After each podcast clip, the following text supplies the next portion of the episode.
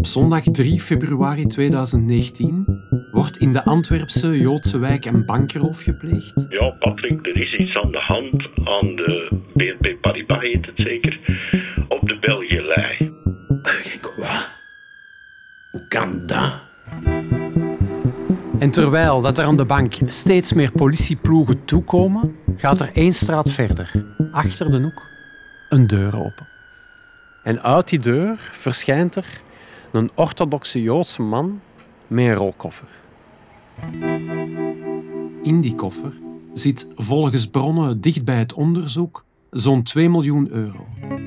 Ik denk als men naar buiten komt met 2 miljoen, dat de werkelijke buit die werd gemaakt, dat dat veel, veel groter moet zijn.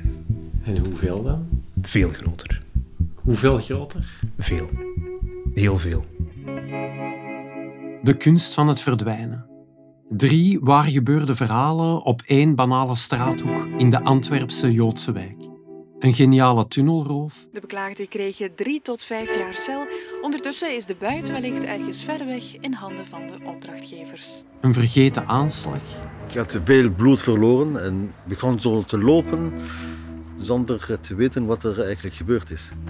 En waar ik moet gaan en ik was helemaal in de war. En een jongetje van vier dat door zijn moeder wordt weggestuurd.